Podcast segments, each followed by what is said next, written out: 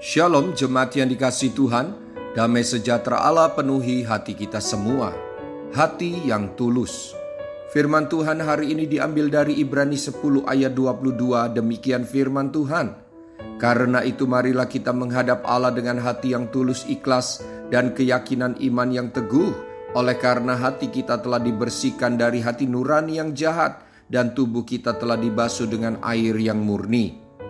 Tuhan melalui penulis kitab Ibrani memberitahu kita cara dan sarana yang membuat orang-orang Kristen menikmati hak-hak istimewa untuk bisa masuk dalam hadirat Tuhan berjumpa dengan Tuhan.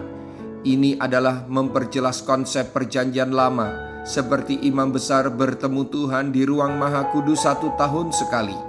Jalan masuk ke hadirat Tuhan atau ruang maha kudus versi perjanjian lama Kristus telah mencurahkan darahnya bagi semua orang yang percaya kepadanya.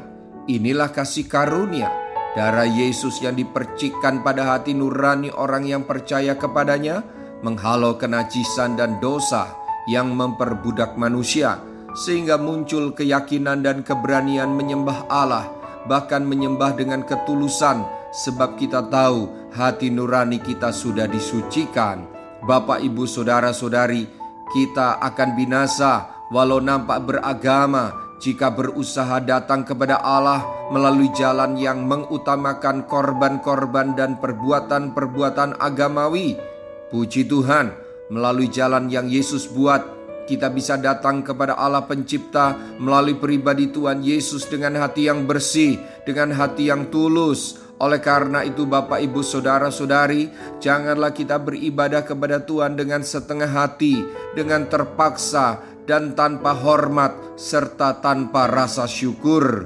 Jadilah umat yang tahu mengucap syukur Buat pengampunan yang dia beri Dan jaminan keselamatan yang kita dapat Ibadah kita bukan lagi hari minggu saja Atau saat ada di gedung gereja saja tetapi ibadah kita adalah berhadapan muka dengan Dia, menghampiri Dia, dan kita lakukan setiap hari. Jadi, kita mau hidup dalam kebenaran ini, maka kita tidak akan pernah bisa dijerat oleh iblis. Mari datang kepada Tuhan dengan tulus hati. Mari kita berdoa. Tuhan Yesus, terima kasih untuk pengorbananmu di kayu salib. Engkaulah yang menjamin saya sebagai orang yang dibenarkan dan diampuni saya bisa setiap saat berjumpa dengan Engkau. Saya mau nikmati persekutuan dengan hati yang tulus dan tanpa penghalang atau tabir. Saat ini dan seterusnya, ku bawa hatiku ya Bapa, hati yang tulus dan tempat Engkau bertahta.